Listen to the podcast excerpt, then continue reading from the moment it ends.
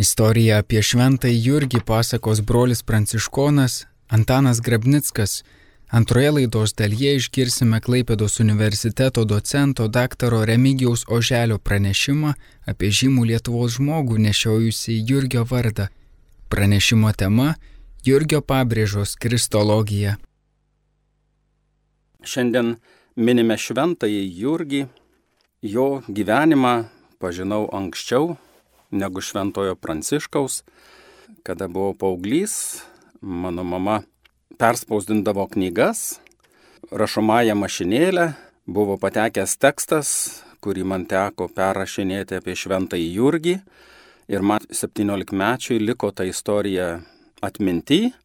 Bandžiau ieškoti kokios nors panašios informacijos dabar viešoje erdvėje, nieko panašaus neradau, tad bandysiu papasakoti tai, ką aš tuomet perspausdinau. Izraelitai, žydų tautos atstovai, kur tik apsigyvendavo pasaulyje, sukurdavo bendruomenę, jie ten įsikūrę, rinkdavo nuo kiekvienos šeimos lėšas ir vienas išrinktas atstovas bandydavo to meto valdžios aplinkoje įgyti tam tikras privilegijas savo bendruomeniai ir taip darė žydų tautos atstovai visuose pasaulio kraštuose išplitę, tą patį darė ir Romoje. Žydų pirkliai buvo išsipirkę teisę negarbinti Romos dievų, bet garbinti savo vieną dievą. Ir įdomu tai, kad persekiojami krikščionys iš e, Jeruzalės pasitraukę į Romą pradėjo naudotis tą privilegiją.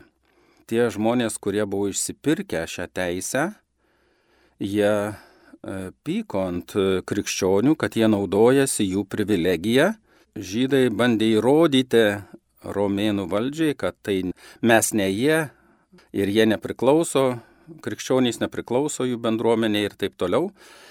Galiausiai nieko nepasiekdami tokiais aiškinimais, jie pradėjo skleisti gandus, kad e, krikščionys slapta susirinkę jie paleistuvauja, tačiau šitas gandas e, neturėjo jokios įtakos, nes e, romėnai turėjo viešas bachanalijas ir jokio dėmesio nepatraukė.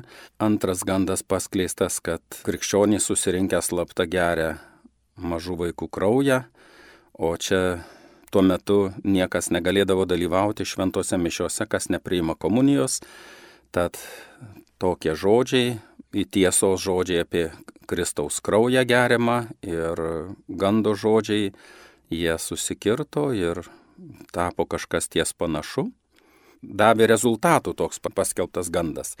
Ir tada šventasis Jurgis tam tikrų pokalbių, viešų pokalbių metu paprieštaravo, kad krikščionys netokie, jie to tikrai nedaro. Ir tas jo pasisakymas pasiekė imperatoriaus ausis ir jo tiesiogiai paklausė, iš kur tu žinai, kad krikščionys netokie. Gal tu pats esi krikščionis? Ir tuomet Jurgis neišsigynė, kad jis yra krikščionis. Ir jis buvo žiauriai kankinamas, kad išsižadėtų, nes jis buvo vis dėlto romėnų karininkas. Ir iš jo buvo reikalaujama Garbingas Romos pilietis garbintų Romos dievus, jis vis dėlto nepakluso, per kelis kartus kankinamas ir galiausiai jam buvo nukirsta galva. Balandžio 23 yra minima kaip jo mirties diena. Šventąjį Jurgį galime minėti daugybę aspektų, bet vėliau, kada baigiau seminariją ir susipažinau su tiesioginiais šaltiniais, kurie yra išspausdinti, labai daug, nedaug informacijos yra apie šventąjį Jurgį, niekur šių žodžių, kuriuos tuomet perspausdinau, neradau. Tačiau noriu priminti, kad šventasis Jurgis mums pažįstamas iš paveikslų, kur yra vaizduojama raitelis ant balto žirgo ir jėtimi durintis slibina.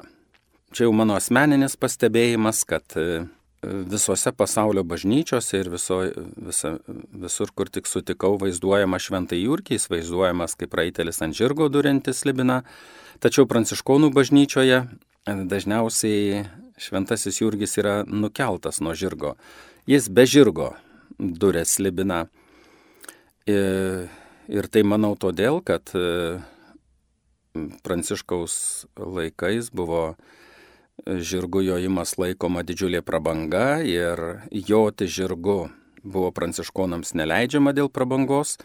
Ir tuo pačiu šventasis Jurgis kaip šventasis turėjo būti pranciškonams pavyzdys ir jis tiesiog be žirgo e, buvo vaizduojamas toje pačioje su, kovoje su slibinu. Ir tas slibinas įvairiuose mituose pasakojimas kaip tikras buvęs, bet iš tikrųjų pagal tą pasakojimą, kurį aš skaičiau ir kurį dabar papasakojau, tai suprantu, kad tai ne kažkoks mitinis slibinas, mitologinė figūra, bet tai yra konkrečiai vaizduojamos apkalbos. Apkalbos, kurios e, visais laikais buvo žudimo priemonė, žodis, melagingai pasakytas žodis, vargino daugybę žmonių ir mūsų tais laikais buvo apkalbos žalingos krikščionėms ir niekinami, lygiai taip pačiai mūsų tautos atstovai buvo vežami į Sibirą vieno ar kito žodžio ištarimu ir sprendimu. Ir dar dabar mūsų laikais apkalbos įgavo dar didesnį mastą, nes informacija plinta daug greičiau ir jau žodis ištartas paplinta ne vienoje kažkurioje gatvėje mieste ar kaimelyje, bet milijonų žmonių gali pasiekti melagingą tiesą ir tokiu būdu sužeisti daug daugiau žmonių. Taigi tas slibinas, kurį šventasis Jurgis nudūrė savo tiesos žodžiu, savo tiesos jėtimi, yra apkalbos, su kuriomis mes turėtume nuolat kovoti. Apkalbos e, ne visada teisingai suprantamos. Apkalba dažniausiai priimama kaip kažkoks šnekėjimas apie kitą asmenį jam nesant. Bet čia tie dalykai yra etikos klausimai. Apkalba tiesiogiai moralinėje teologijoje įvardyjama atskleidimas slapto žmogaus nuodėmės, kurios liudytojais mes esame, sakymas tiems, kuriems nėra reikalo žinoti. Tai yra platinama priešiškas nusistatymas, e, apkalbos sakymas tiems, kurie turi žinoti, pavyzdžiui, sakymas vaikų darbų tėvams arba mokyklos vadovybei ar policijai, tai nėra apkalba. Bet kada sakome tiems, kurie jokio sprendimo negali daryti, tiesiog tik tai paniekinimas platinimas, tai yra apkalba. Apkalba atitaisoma tuomet, kai apie tą patį žmogų yra papasakojama kas nors gražaus. Tokiu būdu tas paniekinimas yra atstatomas. Arba sureikšminama ne tik tai žmogaus trūkumai, bet ir geri darbai. Mes turime nuolat kovoti būtent su savo dėmesiu ir ką mes sureikšminam dėmesiu. Mums labai svarbu sureikšminti Dievo darbus, bet negundytojo, kad mes auktume gerame. Jeigu pažvelgsime dabar į virtualią erdvę, aš prieš ateidamas paieškoju informacijos apie šventąjį Jurgį, ką galėčiau įdomaus pasakyti, kas e, dar žinoma, tai mane nustebino paprasta žinutė, kad e, aš nežinau arabiškai miestų tarimo, bet kiek suprantu, kaip žinau, tai Nabijurjis miestelėje buvo pastatyta mečetė, kurioje buvo prisimenama šventasis Jurgis ir nuo 14 amžiaus ten buvo ta mečetė. Ir 2014 metais islamo kareiviai nugriovė tą mečetę ir jie greudami sakė, kad e, tai vieta buvo ne tiek maldai skirta, kiek tikėjimo praradimui. Taigi šventasis Jurgis net islamo tikintiesiems leisdavo pažinti Dievą ir jis skelbdavo net tokiu būdu.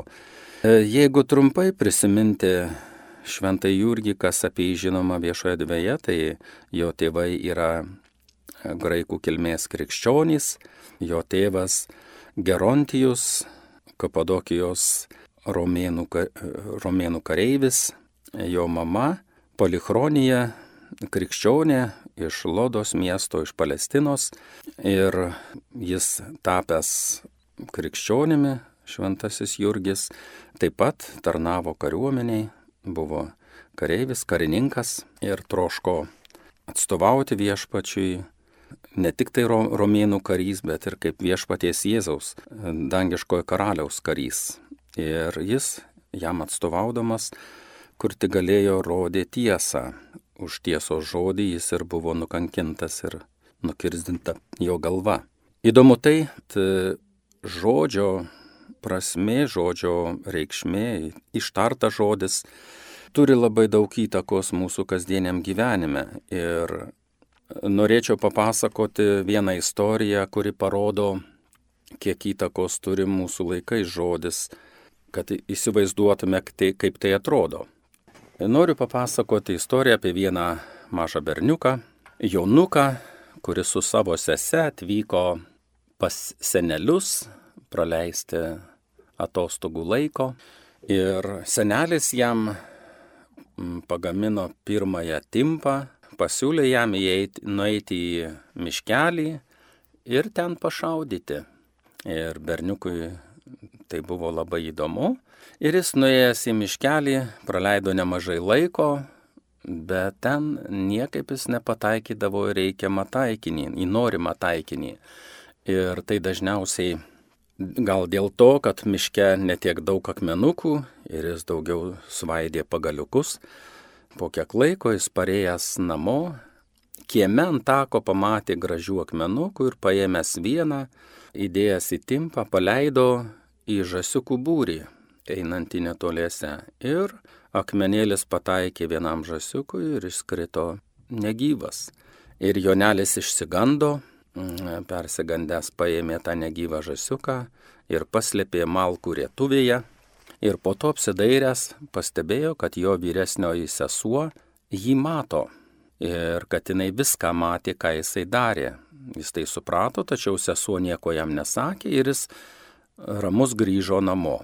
Ir po pietų Čiutė paprašė nukėlę aldutę, kad jinai padėtų suplauti indus. Anukėlė atsakė, kad šiandien jai Jonelis sakęs, kad jis labai nori suplauti indus ir jis patarnaus ir jinai praeidama pro šalį savo broliukui pašnipždėjo, neužmiršk žasiuko. Toliau savo nuėjusi užsėjėmė savo darbais, o Jonelis kantriai plovė indus.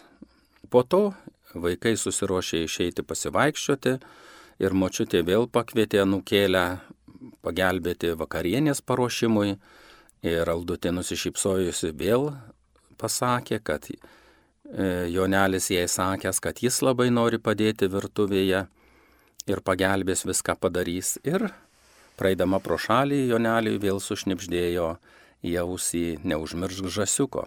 Ir taip keletą dienų e, Jonelis kantriai dirbo visus darbus ir už save, ir už sesę, bet jam e, šitoks išnaudojimas pakyrėjo. Ir jis galiausiai apsisprendė viską papasakoti močiutei, visą tiesą. Ir kada jis išpažino e, savo nelaimę, nusikaltimą, močiutė nusišypsojusi jį apkabino ir sako, Kada žąsys sugirksėjo, aš pažvelgiau pro langą ir viską mačiau. Ir aš, kadangi tave labai myliu, aš tau atleidau. Bet man buvo labai įdomu, kiek tu vergausi savo sesiai.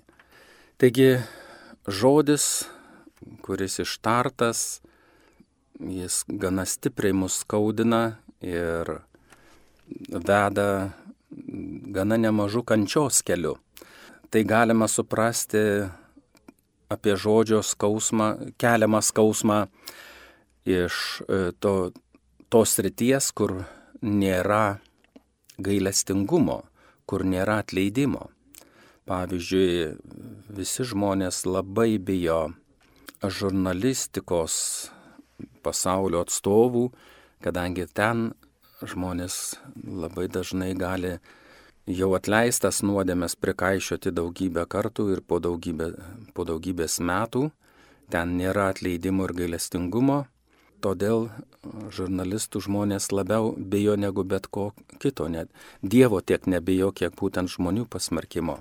Ten, kur yra atleidimas, praktiškai tos baimės ir to žiaurumo nėra, ten, kur žmogus trokšta atleidimo ir jį gauna, žodis, piktas žodis žmogaus nežaidžia. Girdėjome istoriją apie šventąjį Jurgį, kurią papasakojo brolis pranciškonas Antanas Grabnickas Dabar kviečiame pasiklausyti Klaipėdos universiteto docento daktaro Remigiaus Oželio pranešimų apie žymų Lietuvos žmogų nešiojusi Jurgio vardą. Pranešimo tema - Jurgio pabrėžos Kristologija. Gerbėjai Jėzui Kristui, mėly Marijos radijo klausytojai, sveikinusi su jumis pagarbindamas viešpatį Jėzų Kristų. Ir kunigo Jurgio pabrėžos žodžiais iš pamokslo apie atgailą milčių. Ak, viešpatie, atidaryk tik tai mums savo vartus, mėla širdystė savo, kad nesiliautume per amžius garbinti tavęs, kuris taip labai esi mums gailestingas. Neatsitiktinai pradėjau kunigo Jurgio Ambrazijaus pabrėžo žodžiais. Šiandien žvilgtelsiu Jėzaus Kristaus skelbimą šio garbaus žemaičių kunigo pamoksluose. Norėtume pamatyti Jėzų. Toks prašymas, kuriuo į apaštalą Pilypą kreipėsi keletas graikų, atvykusių į Jeruzalę švęsti Velykų, skamba kiekvieno laikmečio žmogaus lūpose. Žmonės, kaip ir anie piligrimai prieš 2000 metų, prašo, kartais nesąmoningai, ne tik kalbėti apie Jėzų Kristų, bet tam tikrą prasme jį jiems parodyti. Bažnyčia yra gavusi užduotį atspindėti Kristaus šviesą kiekvienoje istorijos epochoje. Laiduoti, kad jo veidas šviestų visų laikų žmonėms. Perduoti krikščionių tikėjimą - tai pirmiausia skelbti Jėzų Kristų ir žadinti tikėjimą į jį. Nuo pat pradžių pirmieji krikščionys degte degė šiuo troškimu skelbti Jėzų Kristų. Juk mes negalime tylėti apie tai, ką esame matę ir girdėję. Sakoma paštalų darbų knygoje.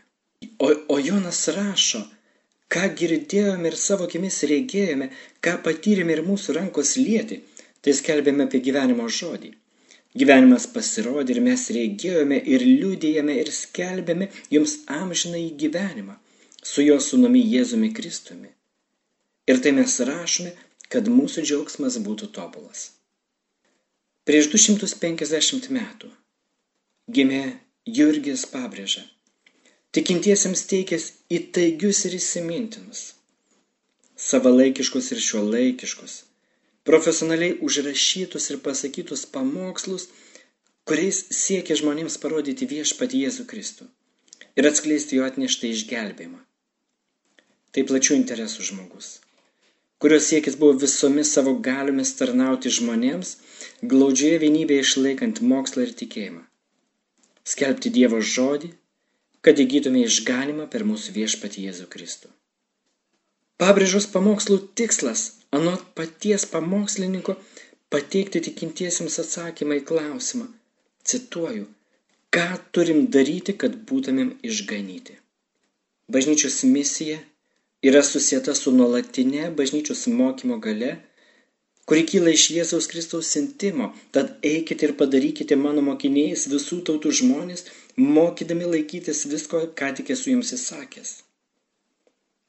Skelbiamas Dievo žodis yra Jėzaus Kristaus žodžio skelbimo tasa. Apmastant turinį, tikslus ir Kristaus reikalavimus moraliniam žmonių gyvenimui. Tad katalikų bažnyčia visuomet pamokslą vertino ir vertina kaip vieną svarbiausių tikėjimo skleidimo priemonių. Pats kunigas Jurgis pabrėžia, kurio pamokslai sulaukė didžiulio pasisekimo. Sudarė savo pamokslų rinkinius ir juos suskirstė pagal temas. Pabrėžos pamokslų tyrinėtojai įvardina buvęs dešimt pamokslų rinkinių. Netrukus Lietuvų kalbos institutas publikuos vieną iš išlikusių pamokslo rinkinių pamokslai varingose materijose. Šiandien šio pamokslo rinkiniu rankraštis saugomas Lietuvos mokslo akademijos Rublevskių bibliotekos rankraščių skyriuje.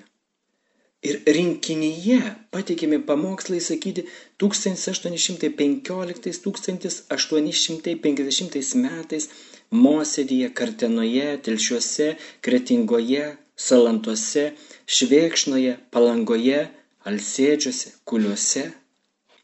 Tad toliau kunigo Jurgio Ambrazijaus pabrėžos mintis cituosiu iš šio pamokslo rinkinio.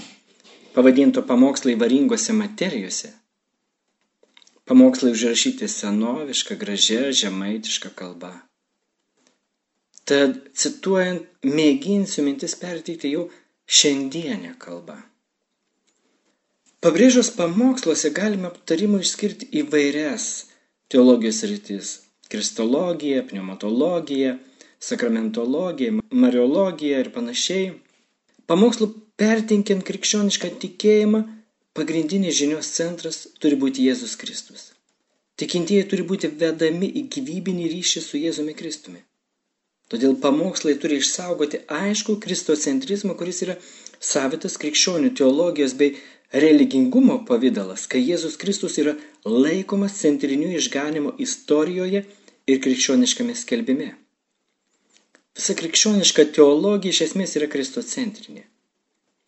Kristologija duoda krikščioniškai teologijai supratimo raktą. Yra visos sistemos interpretacijos principas. Kristologijoje per Jėzų Kristų, Dievo Sūnų, esame kreipiami į Dievą, kuris yra tėvas. Taip kristocentrizmas veda į teocentrizmą, nes Jėzus apreiškė Dievą, apsireikšdamas kaip sunus. Jėzuje ir per Jėzų atskleidžiama nepažįstamo Dievo tėvo paslaptis. Taigi kristologija veda į teologiją, tai yra į Dievą, ypatingų būdu apreikštą Jėzuje Kristuje, tačiau kartu liekanti paslaptyje. Kristus krikščionių būties centras ir išeities taškas. Krikščioniškos žinios skelbimas savo esmėje taigi yra kristocentrinis. Taigi be Kristaus nebūtų krikščionybės be jos skelbimo. Per Kristų krikščionis mokomi ir mokosi suprasti, kas Dievas yra iš tiesų, kas yra žmogus, kokia yra tikroji žmogaus kilmė ir paskirtis, kokia yra pasaulio ir istorijos reikšmė bei vertė ir koks yra bažnyčios vaidmuo nes bažnyčia per amžius lydi žmoniją jos piligriminėje kelionėje Dievo link. Galima ir būtina sakyti, kad Jėzus Kristus žmonija ir jos istorija turi vienatinį ir nepakartojimą. Tik tai jam būdinga išskirtinė, visuotinė ir absoliučia reikšmė bei vertė. Jėzus iš tikrųjų yra dėl visų išganimo žmogumi tapęs Dievo sunis, sūnus, kuri, kaip sako pabrėža, išpažįstame esantį aukščiausių sūnumi Dievo savo viešpačiu ir atpirkėju. Citatos pabaiga. Krikščioniškai teologijai kristocentrizmas yra privalomas. Tai jos esmė. Iš to kyla, kad ir krikščioniško skelbimo išėties taškas ir šis turėtų būti Jėzus Kristus, nes visa, kas yra, anot kunigo Jurgio pabrėžos, yra dėl mūsų išganytojo Jėzaus Kristaus. Kaip minėta, taigi centre, krikščioniškos skelbimo centre iš esmės yra vienas asmo - Jėzus iš Nazareto. Vienatinis tėvo sūnus, kuris kentėjo ir mirė už mus ir dabar prisikėlęs amžinai gyvena su mumis. Mokyti, aiškinti, pamokslų sakyti reiškia Kristaus asmenį atskleisti visą amžinai tėvo planą. Stengti suprasti Jėzaus Kristaus veiksmus ir žodžius. Kaip tik tokį kristocentrizmą, vedantį į Kristaus pažinimą, jo meilės prieimimą ir susitapatinimą su juo pastebime kunigo Jurgio pabrėžos pamoksluose. Toks kristocentrizmas būdingas pranciškonams. Šventasis pranciškus Asižėtis, žavėjęsis Jėzaus Kristaus žmogyste, kuri gali būti apmastoma be didelių studijų, Ypatingai pamilęs kūdikėlį Jėzų bei kenčiantį ant kryžiaus Jėzų Kristų, tai įskiepėjo ir savo pašvestiesiems broliams. Tad pirmiausia, pranciškonų akcentuojamus kristologinius bruožus randame kunigo pabrėžos pamoksluose. Ir vienas iš kristologinių aspektų kunigo Jurgio pabrėžos pamoksluose yra Jėzus Kristus vaikelis. Pavyzdžiui, pamokslė sakytame Kalėdų laike apie gimdytų ir globėjų pareigas vaikams kalba apie Jėzaus vaikystę. Pabrėždamas, kad vaikelis Jėzus nuo prasidėjimo momento buvo pilnas išminties ir Dievo malonės. Toliau cituoju.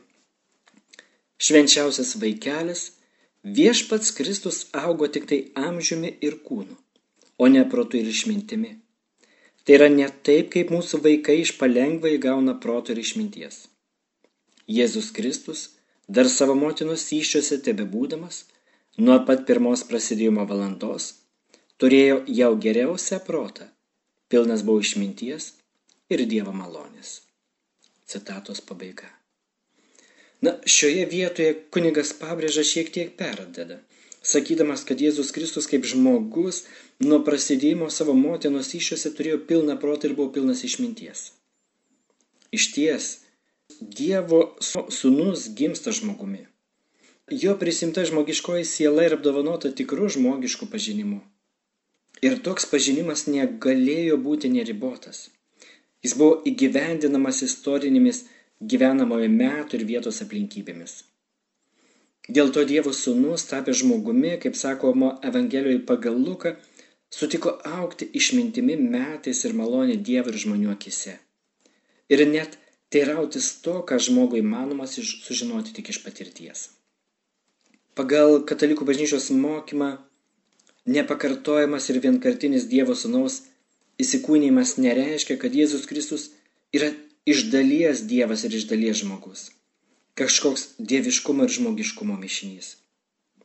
Jis tapo tikru žmogumi, likdamas tikras Dievas. Jėzus Kristus yra tikras Dievas ir tikras žmogus.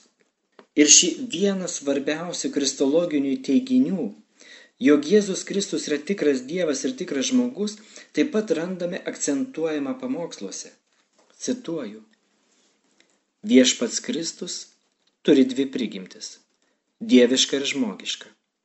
Bet yra tik tai vienas dieviškas asmuo - tai yra Dievo sūnus. Viešpats Jėzus Kristus yra tikras Dievas ir tikras žmogus, todėl jam dera ta pati pagarba, kuri skirta Dievui. Vienok Kristus būdamas tikras žmogus, nenustoja būti tikras Dievas. Taip, kunigas Jurgis pabrėžia savo pamoksluose, akcentuoja Jėzaus dievystės ir žmogystės dermę.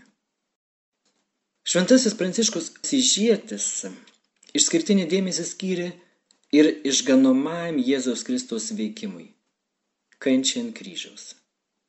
Galima sakyti, pranciškonai seka kenčiantį Jėzų Kristų, iš jo kančios mokosi, kaip pakelti gyvenimo sunkumus.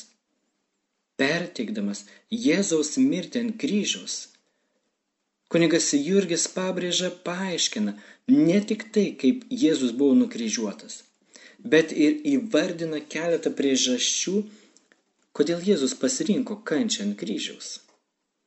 Cituoju. Klausimas. Ką reiškia nukryžiuotas? Atsakymas. Viešpats Kristus ant kryžiaus medžių buvo nukryžiuotas, tai yra turėjo geležinėmis vinimis prikaltas prie kryžiaus rankas ir kojas ir neišmatuojamas skausmą kentėjo, kol numirė. Klausimas. Dėl ko išganytojas pasirinko mirti ant kryžiaus? Atsakymas. Dėl to, kad pirma, ten, kur mirtis prasidėjo, iš ten ir gyvenimas prisikeltų nes šitonas, kuris per medį pirmuosius mūsų gimdytojus rojuje apgavo, pats lieka per viešpaties Kristaus kryžiaus medį nugalėtas. Antra. Sūnus Dievo pasirinko ant kryžiaus kentėti, jog Dievo meilė ir gerumą mums parodytų. Trečia. Visiems būtų regimas ir daugelis turėtų gyvenimo šviesą, kurią kitiems apsakytų. Citatos pabaiga. Kunigas, pamokslininkas Jurgis Ambraziejus pabrėžia, aiškindamas pirmąjį Dievo įsakymą, kuris nurodo vieną Dievą te garbinti, kalba apie ypatingą pagarbą kryžiui. Keldamas klausimą, kodėl dera lenktis prieš Kristaus kryžių. Cituoju jo klausimą ir atsakymą. Ar dera lenktis prieš viešpaties Kristaus kryžių? Dera ir lenktis kryžiui, ant kurio numirė viešpats Jėzus. Nes tas kryžius buvo vietoje altoriaus, ant kurio išganytojas save paukojo Dievui tėvui už žmonių išganimą. Toliau aiškindamas kryžiaus kelio pamaldumo praktiką, jis kviečia nuolankiai mąstyti išganytojo kančią, ką teikės iškentėti Jėzus Kristus dėl žmonių išganimo. Jėzaus kančia atneša išganimą. Taip kristologijoje kalbama apie soteriologiją, apie žmogaus išganimą atpirkimą. Kunigas Jurgis Pabrėžas sako, visada atmink viešpats Kristus už mumis kentėdamas išganė. Kaip Mozė dykumoje iškėlė žaltį, taip turi būti iškeltas ir žmogaus sunus, kad kiekvienas, kuris įtiki, turėtų amžiną į gyvenimą. Kas įtiki, tas nebus pasmerktas, o kas netiki, jau yra nu, nuteistas už tai, kad netiki viengimio Dievo sunaus. Citatos pabaiga.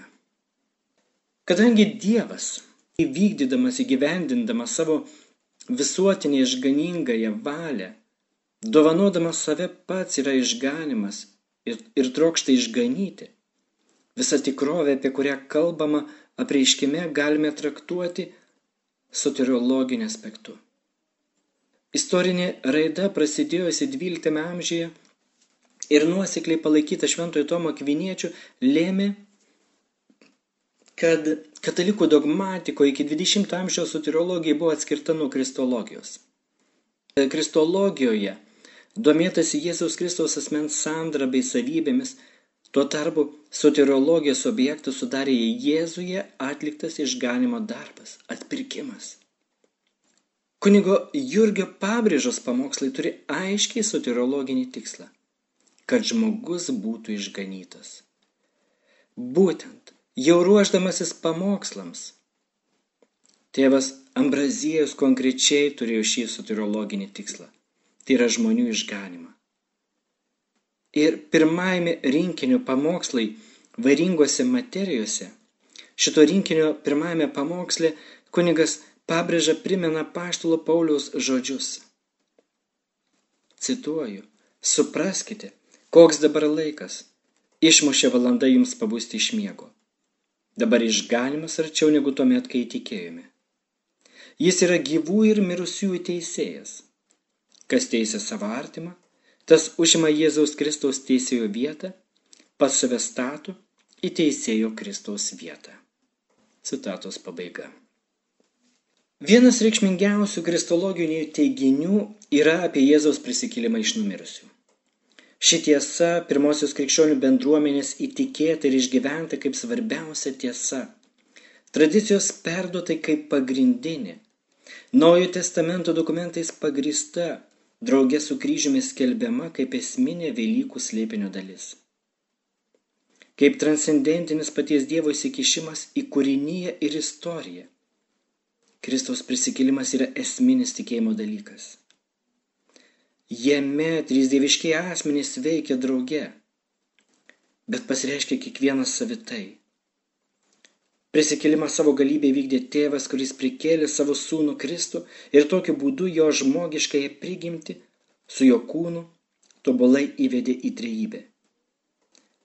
Geroji naujiena galutinai apreiškia Jėzų, šventumo dvasia per prisikėlimą iš numirusių pristatyta galingų Dievo sūnumi. Šventasis apaštalas Paulius pabrėžia, kad Dievo galybė apsireiškė per šventąją dvasę, kurie atgaivino mirusią Jėzaus žmogystę ir ją iškėlė viešpaties garbę. Pats sūnus prisikėlė irgi savo dieviškąją galę. Jėzus paskelbė, kad žmogaus sūnus turės daug kentėti, mirti ir po to prisikelti. Kitas įkys aiškiai patvirtino, Aš guldau savo gyvybę, kad ir vėl ją pasimčiau. Aš turiu gali ją atiduoti ir turiu gali vėl ją atsimti. Krikščionis tiki, kad Jėzus numirė ir prisikėlė.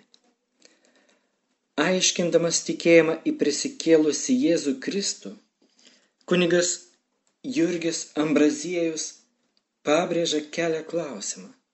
Cituoju. Ką reiškia, kai sakome, jog trečią dieną prisikėlė iš numirusių? Atsakymas. Žinokite, jo Kristaus dvasia trečią dieną po mirties sugrįžo į savo kūną ir taip vėl Jėzus gyvas atsirado. Kokia gali Jėzus prisikėlė iš numirusių? Atsakymas. Laisva savo valia. Citatos pabaiga.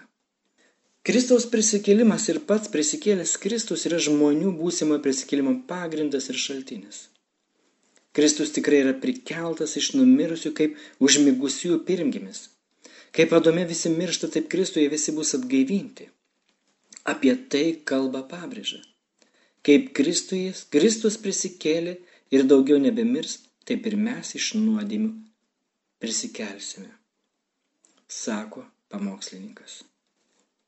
Po prisikėlimo Jėzus Kristus visiems laikams įžengęs į dangaus šventovę nuolat užtarimus kaip tarpininkas, laiduojantis nepaliaujamą šventosios dvasios survenimą į mus. Kad žmogus gyventų viltimi, kada nors su juo būtėm žinai. Cituoju toliau. Dėl ko Kristus įžengi dangų? Atsakymas. Pirma, jog mums vietą danguje paruoštų. Antra, jog būtų tarpininkas tarp Dievo ir mūsų ir mūsų užtarėjas. Trečia, jog mums atsiųstų šventąją dvasę. Citatos pabaiga. Tad melžiantis Jėzaus išmokyta malda, Tėve mūsų, sakydami, te ateinie tavo karalystė, prašome, kad Jėzus Kristus ateistų, ateitų teisti žmonių, sako pabrėža. Pamoksluose yra pateikiamos nuorodos tikintiesiems, ką tikėdami turi daryti vardan Jėzaus Kristaus. Pirma, gerbti Jėzų esantį švenčiausiame sakramente. Antra, Jėzuje turėti gyvenimo viltį. Trečia, apie Jėzų Kristų kitiems gerus dalykus kalbėti.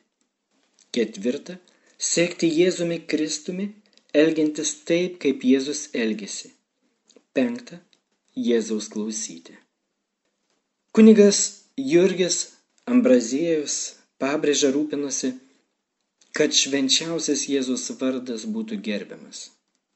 Jis sako, viešpaties Jėzaus vardai - Jėzus, išganytojas, Kristus, atpirkėjas ir taip toliau. Šitie vardai verti tokios paties pagarbos, kaip ir Dievo vardas. Viešpats išganytojas yra tikras Dievas ir tikras žmogus. Citatos pabaiga. Pagarba Jėzui išreiškiama ir per Jėzos garbinimą Euharistijoje. Meilė Jėzui esančiam švenčiausiame sakramente ryški kunigo Jurgio pabrėžos visame gyvenime ir darbuose pamokslininkas primena apie tikrą ir realų Jėzaus buvimą švenčiausiame sakramente. Vėl cituoju. Švenčiausias sakramentas yra viešpaties Kristaus kūnas ir kraujas. Švenčiausias sakramentas palaiko mūsų dvasinę gyvybę, augina mūsų dvasę, sustiprina mūsų dvasinės jėgas. Citatos pabaiga. Peržvelgus kunigo Jurgiaus Ambraziejaus pabrėžus pamokslų rinkinį. Pamokslai varingose materijose matyti, jog pamokslininkas išlaiko žinios kristocentriškumą. Tiek tiesiogiai pamokslo tiksluose, skelbdamas išgelbėjimą per Jėzų Kristų, tiek netiesiogiai perteikdamas Jėzaus Kristaus mokymą apie Dievą apie žmogų, apie laimę, moralinį gyvenimą, mirtį ir panašiai. Jurgio pabrėžos pamokslų žinia yra kristocentrinė, o kristocentrizmas ypatingai orientuotas į išgalimą skelbimą per Jėzų Kristų ir Jėzuje Kristuje. Kristuje Dievas davė mums savo sūnų, save patį, visą savo žodį. Tai dieviškasis apreiškimas kuris yra vienas ir tas pats, tačiau jis atsiskleidžia ir atsiveria kartą iš kartos vis pilnatviškiau, kas kart naujai kiekvienoje žmogaus gyvenimo dabartyje.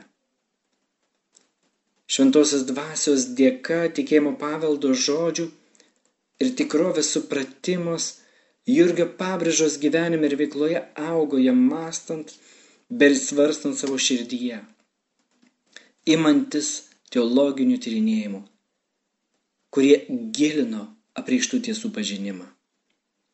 Šventų rašto skaitimų, gilė dvasinių dalykų patirtimi, dvasinių pratybų praktikavimu ypatingai ruošiantis skelbti žodį.